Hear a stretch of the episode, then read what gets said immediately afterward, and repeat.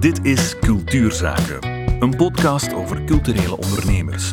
Over projecten vol passie en creativiteit. Hoe ze leefbaar worden en leefbaar blijven. Laat je inspireren door verhalen die van cultuur een zaak maken. Welkom bij de tweede aflevering van Cultuurzaken. Je kan de wildste ondernemersplan hebben in de cultuurwereld, maar het liefst van al wil je daar ook centen mee verdienen. In deze Cultuurloket podcast praat ik met mensen die hun culturele dromen waarmaakten en die jou kunnen gidsen en inspireren in hoe je dat in godsnaam financieel aanpakt. Deze aflevering praat ik met Justine Vervaak van Cultuurloket en Anthony van Biervliet van productiehuis Dingy. Justine, jij zit mee aan tafel om je expertise te delen vanuit Cultuurloket. Welkom. Wat doe jij juist bij Cultuurloket? Ik werk bij Cultuurloket als zakelijk consulente. Oké, super. En Anthony? Ja, het zijn drukke dagen voor jou momenteel. Tof dat je hier bent geraakt tussen al het filmen door. Vertel eens, hoe is het op set? Momenteel goed, ja. We de filmen De Familie Klaus 2 voor Netflix. En ja, het is een beetje anders produceren natuurlijk tijdens coronatijden. Maar uh, we zitten aan dag 7 en het, uh, het vlot. Alright, en hoeveel heb je nog te gaan? Nog, uh, in totaal hebben we 29 draaidagen, dus nog 22 te gaan. Oké. En waarover gaat de film? De film is eigenlijk een vervolg op de eerste film, De Familie Klaus. En opnieuw speelt Jan de Cler de kerstman. Uh, en zijn kleinzoon volgt hem deze keer op. En ditmaal krijgt hij een onverwachte aanvraag van een uh, klein kindje. En de vraag is, kunnen ze dat oplossen of niet? Ah, en kan je al iets verklappen? kan ik al iets verklappen? Uh, ja, de meeste kerstfilms eindigen heel mooi en zeemzoet. Ah, dus je zit al helemaal in een zeemzoete kerstsfeer. Um, en jouw productiehuis, Dingy, met wie doe je dat samen? Uh, ik heb Dingy samen opgericht met Ruben van den Borre, um, eind 2018. En ja, dit is onze tweede langspeelfilm. Ja, want jullie eerste film was dus De Familie Klaus 1. Correct. Um, jullie hebben daar niet alleen een Ensor voor gekregen, voor beste jeugdfilm, maar jullie hebben ook nog iets bijzonders op jullie palmarès staan daarmee, hè? Ik weet niet naar wat dat gerefereerd eh, als de productie met de meeste miserie. Ja, dat ook. ja, dat is exact wat ik had gelezen. Ja. Nee, maar jullie film is de eerste film die via Netflix werd aangeboden. Ja, ja. Uh, ja de film heeft eigenlijk een heel parcours afgelegd. Normaal gingen we filmen dus vorig jaar maart, 16 maart, eerste draaidag. Maar ja, de zondag, de 15e, hebben we moeten bellen naar iedereen van ja, nee, blijf maar thuis, uh, het gaat niet lukken. Dan was het een hele zware, donkere periode, want ja, alle camions waren ingeladen, iedereen stond paraat. Ja, ah, ook, nee. Niemand wist wat er ging gebeuren, een enorme kost. De vraag was ook, ja, zal de film ooit gemaakt worden? Wat met al het geld dat we al geïnvesteerd hebben in de film? Dus ja, uh, volledig stilgelegen en dan uiteindelijk toch geleidelijk aan wachten en toch pushen. En zijn we 8 juni dan als eerste Vlaamse film terug opgestart. Okay. De film ging inderdaad eerst in de cinemazalen komen, eind vorig jaar dus, eind 2020. Maar ja, je leest dan alle berichten en je denkt van oei, uh, tweede golf, derde golf, uh, wat gaat er gebeuren in het najaar? En dan goed moeten nadenken van wat gaan we doen. En dan leek het toch de beste beslissing geweest om naar Netflix te gaan, want uiteindelijk waren de cinema dan toch gesloten. Ja, en hoe is dat proces gelopen? Hoe, hoe klop je aan bij Netflix? Dus de film oorspronkelijk uh, was Kinepolis en Dutch Filmworks. Dutch Filmworks is een internationale distributeur van films. zij maken zo ook series, uh, die hebben Undercover gemaakt, maar ook ja, die verdelen dus films en series. En zij zaten mee in de financiering van uh, de familie Klaus. En dan hebben zij eigenlijk uh, het dossier voorgelegd aan uh, Netflix. Mm, de, okay. Ja, zij zijn het contactpersoon bij Netflix. Ja, en je zegt, we stonden klaar met al die camions. We hadden zoveel geld daar al in geïnvesteerd. Je wilt een film maken, hoe begin je daaraan? Je, doet al een financiering dan op voorhand. Inderdaad, de film in het beste geval is volledig gefinancierd. Allee, weet je dat financiering eraan komt? Ja. Dus uh, het begint met een idee op een papier, een soort treatment. En dan ga je inderdaad gaan aankloppen bij de distributeur. Dat is eigenlijk meestal de eerste stap. Voor tv-series is dat een zender. En dan ga je kijken van, uh, zijn ze geïnteresseerd of niet? En hoeveel willen ze op tafel leggen daarvoor? Ja. En dan ga je samen met hen bekijken, dit is het financieringsplan. Uh, takshelter, kunnen we nog een zender aan boord halen? Kunnen we nog subsidies, Screen Vlaanders, het Vlaams Audiovisueel Fonds. Dus dan ga je kijken, wat is het budget? Voor wat kunnen we deze film maken? en hoe zullen we hem financieren? En bij de distributeur is de eerste vraag, wanneer kan hij klaar zijn? Is dat makkelijk om dat in te calculeren? Ja, ehm, we wouden natuurlijk snel schakelen. En als je snel wilt schakelen, dan verlies je veel financieringsmogelijkheden. Bijvoorbeeld het Vlaams Audiovisueel Fonds heeft liever dat je je tijd neemt, dat je ontwikkeling van je scenario en uiteindelijk ben je dan meer twee tot vijf jaar soms verder tegen dat je finale financiering binnen is. Mhm. Hier moest het toch wel op een jaar tijd gemaakt worden en in de cinema gebracht worden. Mhm. Dus eh, is je budget uiteindelijk wel lager en eh, heb je minder financieringsmogelijkheden. Ja, En wat hier moeilijk aan is, is dat je eigenlijk eh, al lang bezig bent met de productie van iets. Hetzelfde geldt bij dansvoorstellingen of theatervoorstellingen. In die maakperiode maak je al heel veel kosten en investeringen, terwijl dat er pas geld in het laadje komt wanneer je tickets bijvoorbeeld begint te verkopen. Eh, dus het is eigenlijk belangrijk dat je al geld op je rekening hebt staan voordat je start met je project. Mhm. Daarom moet je een eh, kastplanning opmaken.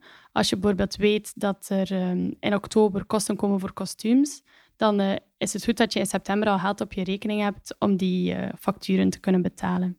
En die eerste fase, is dat dan een periode waarin dat je heel veel uit eigen zak betaalt? Ja, eh, het is toch wel belangrijk dat je investeert in het scenario zelf. Ja, een, pitchbook, hoe mooier, hoe rapper dat je natuurlijk ook iemand overtuigt, hè, designers. Ook soms, bijvoorbeeld, we hebben nu ook een serie Pietje Puk, daar hebben we toch heel veel al in geïnvesteerd. Dat is een pilootaflevering dat we draaien. Kostuums moeten gemaakt worden, make-up designs, regisseur. eh, dus dat hangt ervan af. Soms is het klaar en duidelijk en soms moet je dan een keer eh, wat meer investeren. Ja, ja, ja. En hoe doe je dat? Die overbruggingsperiode, zeg maar. Hoe pak je dat aan? Als startende is natuurlijk moeilijker dan als je al een buffer kunt opbouwen en als je weet van, ah ja, oké, eh, we kunnen hier al wat meer investeren. Maar als startende was dat natuurlijk onze spaarcentjes en eh, hopen dat er ooit iemand in gelooft. Want we zijn bij veel mensen aangeklopt met familie Klaus. Heel veel de deur op de neus gekregen. Dus we zijn Dutch Filmworks en Kinepolis wel heel dankbaar dat ze uiteindelijk dan eh, ervoor gegaan zijn. Maar eh, waaruit hebben jullie dan nog allemaal geld eh, opgehaald? Voor de film? Ja. Voor de film. De film bestaat eigenlijk uit de investering, de risico-investering is dat van de distributeur. Mhm. Een stuk uit Taxshelter en een stuk uit Screen Vlaanders. Dat is een overheidsmaatregel voor stimulans van eh, de sector. En dan veel participaties. Eh, dus normaal reken je ook je marge als producent, maar wij hebben die volledig op nul gezet. We hebben gezegd, we steken nu alles in de productie. En ja, het belangrijkste voor ons was als jong productiehuis, we willen bewijzen dat we een hele mooie film kunnen maken met production value, met mooie beelden, mooi verhaal. En eh, dat dan uiteindelijk iets gemakkelijker binnengeraakt bij andere partners. Want ja, het zijn zware budgetten. Het is moeilijk natuurlijk voor zenders of, of eh, risico-investeerders om iemand te vertrouwen die nog nooit echt zelf iets volledig zelf heeft geproduceerd. Dus dan is het natuurlijk wel, we moeten eh, ja, credit opbouwen. Ja, jullie hebben eigenlijk heel veel ge- geïnvesteerd om jullie visitekaartje Inderdaad. naar buiten te Een brengen. kostelijk visite, visitekaartje. Ja, prijzig. Eh, jullie hebben dus meerdere financieringsvormen. Justine, ik kijk naar jou. Ik denk dat het belangrijk is om meerdere financieringsvormen te hebben. Waarom is dat eigenlijk? Eh, dat is zeker belangrijk. Anthony haalt zelf al verschillende financieringsvormen aan, zoals taxshelter, subsidies en zo verder. Maar daarnaast heb je ook sponsoring, heften, eh mecenaat. Eh, het voordeel aan verschillende financieringsbronnen is dat je niet afhankelijk bent van één iemand. Daardoor sta je sterker in je schoenen. En de wetgeving anderzijds verplicht je ook om verschillende financieringsbronnen aan te spreken, want je kan niet voor jouw volledig budget taxshelter ophalen, bijvoorbeeld. En hoe weet je best, stel nu dat er een producent naar jou toe komt bij Cultuurloket, hoe ga je op zoek naar wat er best past van financieringsvorm? Eerst luisteren we naar het verhaal van eh, wie dat bij ons komt en dan kijken we wat dan de opties allemaal zijn. Dus vanuit Cultuurloket kunnen we uitleggen wat zijn de financieringsmogelijkheden, welke opties zijn er interessant voor jullie. En ehm, dan raden we aan om eh, verder contact op te nemen met de verschillende instanties om eh, te kijken of dat het lukt. En wij kunnen ook helpen kijken naar het financieel plan bijvoorbeeld en het voorbereiden van de budgetten. Want bij taxshelter is dat wel heel belangrijk, dat je een goed budget maakt op voorhand, omdat niet alle kosten eh, in rekening mogen gebracht worden voor de taxshelter. En dat is wel een ehm, belangrijke voorbereidende taak. Ja, en van wat hangt dat af? Wat je kan halen uit tax shelter? Er bestaat een volledige lijst van kosten die in aanmerking komen voor taxshelter en welke niet. Oké. Dat is de bestedingslijst en dat is handig om erbij te nemen wanneer je jouw budget opmaakt. De kosten die daarin voorkomen zijn vooral kosten gelinkt aan de directe productie, zoals personeelskosten voor muzikanten, acteurs. Mhm. Eh, ja, alles van cast en crew op set. Van de cast tot make-up, tot grip, elektro. Alles dat je echt kunt zeggen van waarom had je dit nodig? Ah ja, Ja. daarom en daarom. Ja, dan moet je je ticketjes goed bijhouden. Ja, ja. In het algemeen moet, moet je je boekhouding natuurlijk Ja, ja, goed ja. bijhouden. En bij taxshelter is het extra belangrijk omdat de bedrijven die in jou investeren toch het vertrouwen willen dat je alles goed bijhoudt en opvolgt. Ja, ja, ja. Bij welke bedrijven ga je dan aankloppen? Kunnen dat dan zelfs bedrijven zijn die bijvoorbeeld eh, handelen in zout, bij manier van spreken? Ja, correct. Dus ja, de, de taxshelter is eigenlijk zo. Dus elk winstgevend bedrijf betaalt normaal gezien belastingen op die eh, winst. Mhm. Eh, wat zegt de wet? De taxshelterwet zegt, indien u een stuk van die winst investeert in audiovisuele producties of ook theater, podiumkunsten, dan mag je daarvan een stuk aftrekken van uw belastingen. Want daar komt eigenlijk, dan eigenlijk het voordeel uit en komt er ook een rendement. Ja, en het brengt niet enkel een voordeel en rendement eh, voor de investeerder, want de taxshelter is een win-win verhaal. Ten eerste zorgt taxshelter voor meer investeringen van bedrijven in de cultuursector. Door het extra geld kunnen veel meer podiumproducties en audiovisuele werken worden gemaakt, maar in de toekomst ook gaming. En dan voor eh, de win voor het bedrijf is dan natuurlijk het belastingsvoordeel. Mhm. Het maakt niet uit in welke film je investeert. Dus Ja. het is niet als de film winst maakt of niet. Die vraag krijgen we veel. Van ja, maar wat als die film flopt? Ja, Dat heeft er niets mee te maken. De film moet gemaakt zijn en wij moeten kunnen bewijzen als producent aan de dienst Financiën, we hebben genoeg opnieuw geïnvesteerd in de Belgische economie. Ja. Eh, en ons attest behalen. Dat is het belangrijkste. Ja. En hoe ga je op zoek naar taxshelter? Hoe, hoe begin je daar eigenlijk aan? Ehm, ja, dat is natuurlijk, ehm, ik kan natuurlijk ook meegeven. Het, het is heel belangrijk als producent dat je de tijd neemt om alles te lezen. Het internet is een fantastisch eh, gegeven, maar ook wetteksten, eh, de handleidingen van elke eh, subsidievorm, lees dat goed. Hè, want het staat er allemaal in en dan weet je het. Hè. Het zijn natuurlijk gigantische teksten van soms 50 pagina's lang. Ja, Maar lees het zeker een keer door en dan weet je het. Dan ga je kijken van, oké, je gaat je budget maken, je Excel-budget. En dan gaat je je scenario uitsplitsen, van kijken hoeveel dagen eh, moeten we hierover filmen. Eh, wat hebben we nodig, kostuum, dit, dat. En dat is eigenlijk puur ervaring en offertes opvragen. Hè. Dus eh, Ja. bel naar kostumier, hoeveel zal dat kosten? Bel naar grip eh, of naar een cameraman, hoeveel, dagen, hoeveel uur heb je nodig? En dat is dan samen in, in samenspraak met de eerste assistent, ga je eigenlijk je, je planning maken en dan ga je beslissen van, oké, ga je uitrekenen in je Excel, wat kan er getaxshelterd worden? Mhm. Voor een Belgische eh, productie kan je tot een derde ongeveer taxshelter ophalen. Eh, Ja. Hangt af van welke kosten natuurlijk er allemaal eh, gemaakt worden. Elke productie is anders. Eh, elk verhaal is natuurlijk ook anders. En dan eh, heb je twee mogelijkheden. Ofwel ga je naar een intermediair, een tussenpersoon. En zeg je van, kijk, ik heb deze film. Gaan zij vragen, hoe zit het met de rest van uw financiering? Is die al? Want taxshelter is een begin, maar zou eigenlijk een einde moeten zijn. hè? ja, je moet dus wel al een soort van andere financieringsvorm ook hebben gevonden die dat aanvult. Ja, want dat is belangrijk. Hè. Eh, taxshelter is geen gratis geld. De bedoeling is dat je natuurlijk die investeringen tot maal drie eigenlijk, of tot liefst meer, maakt in, eh, op Belgisch grondgebied. Ja. Dus het is een stimulans geweest voor de sector. Hè. Eh, Want heel veel buitenlandse producties denken van, ah, oké, we kunnen dat, maar we moeten dat buitenlands geld, die buitenlandse zender, die buitenlandse eh, distributeur, pompt ook dat geld terug in de Belgische economie. Ja. Dus daarom dat de, de sector zo gegroeid is natuurlijk. En het is een soort van gap financing, eigenlijk het laatste gat dat nog gevuld moet worden. Dat is uw taxshelter. eh, maar het voordeel is, of voor cashflow, dat uw taxshelter al kan gebruikt worden voor de eerste financieringen. Ja. Want bijvoorbeeld een distributeur of een zender betaalt een laatste schijf pas als de serie is opgeleverd. Of de film. maar ondertussen moet die er dan al betaald zijn. Ja. Dus dat is het, het lastigste voor een filmproducent is ook uh, de cashflow-financiering. Ja, want dat komt dan ook allemaal uit jullie spaarvarken. Die ja, nee, dat zijn dan leningen. Uh, Een lening dat gaan gaat, of natuurlijk ook participaties.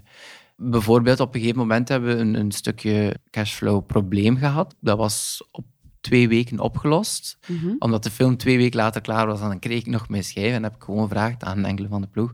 Het komt er zeker aan, het zal twee weken duren, maar ik wacht gewoon nog op mijn laatste schijf van uh, de distributeur.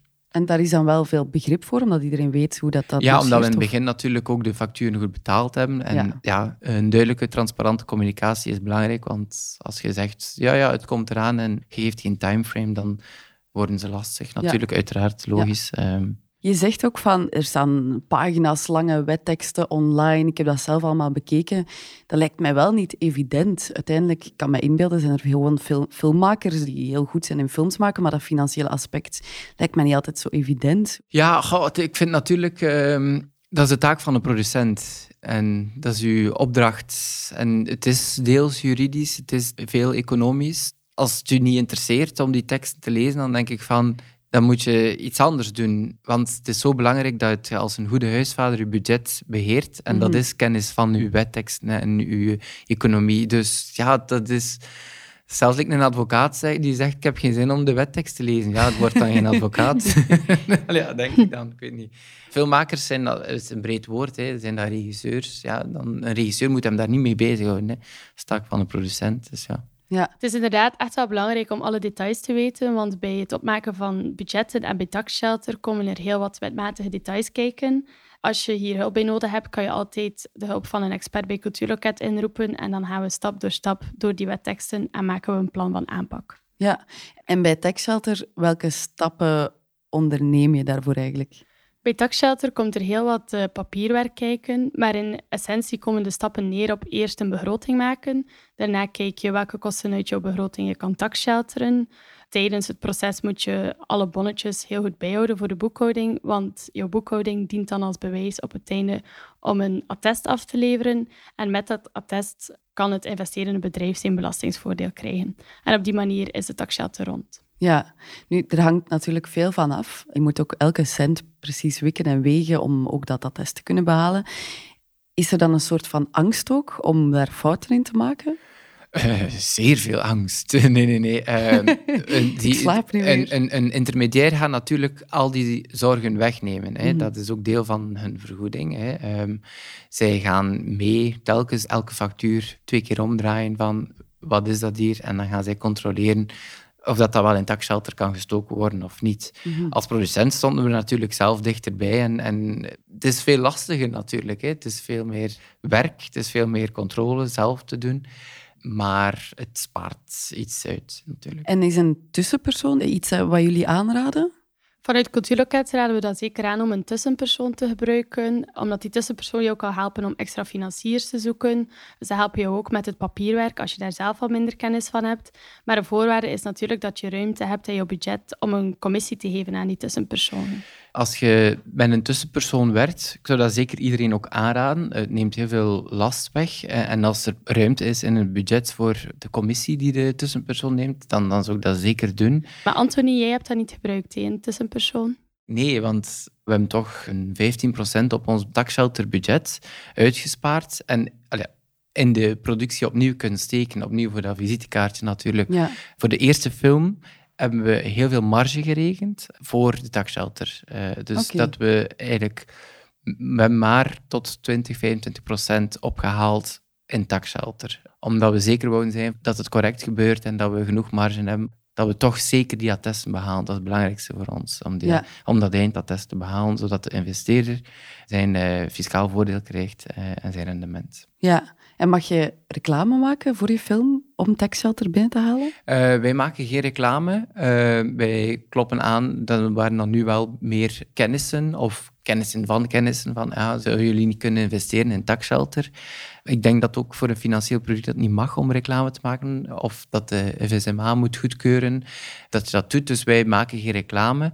Ik sluit niet uit dat we dat in de toekomst doen, maar dat we dan uiteindelijk opnieuw weer de teksten regelen wat mag van reclame maken en niet. Maar wat we wel gedaan hebben om opnieuw die investeerders te overtuigen, is praten met hen. En dat is overtuigen. We zijn een klein productiehuis. Uh, Jan de Cler, dat helpt ook altijd. Iedereen eh, dan is, ah ja, oké. Dat zijn zo namen dat ze wel graag horen. En als ze betrokken zijn bij de film, dan is dat wel leuk. Ja. Zijn er naast Tech Shelter nog zaken, bijvoorbeeld product placement, um, reclame, zijn dat ook zaken waar jullie geld uithalen? Co-producties bijvoorbeeld? Uh, ja, uh, we gaan per film of serie kijken van oké, wat zijn de beste mogelijkheden of waar, waar kunnen we het meest geld ophalen.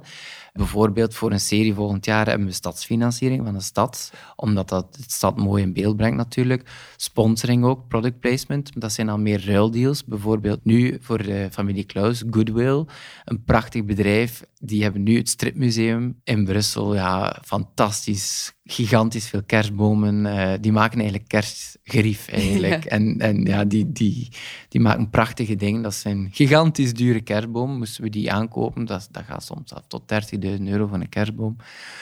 Moesten we dat moeten betalen, dat gaat niet. Maar dat is nu een ruildeal. Een ruil voor uh, logo op de aftiteling of de begintitel. Of um, vorig jaar hebben we een winkel in beeld gebracht. Dat is heel subtiel.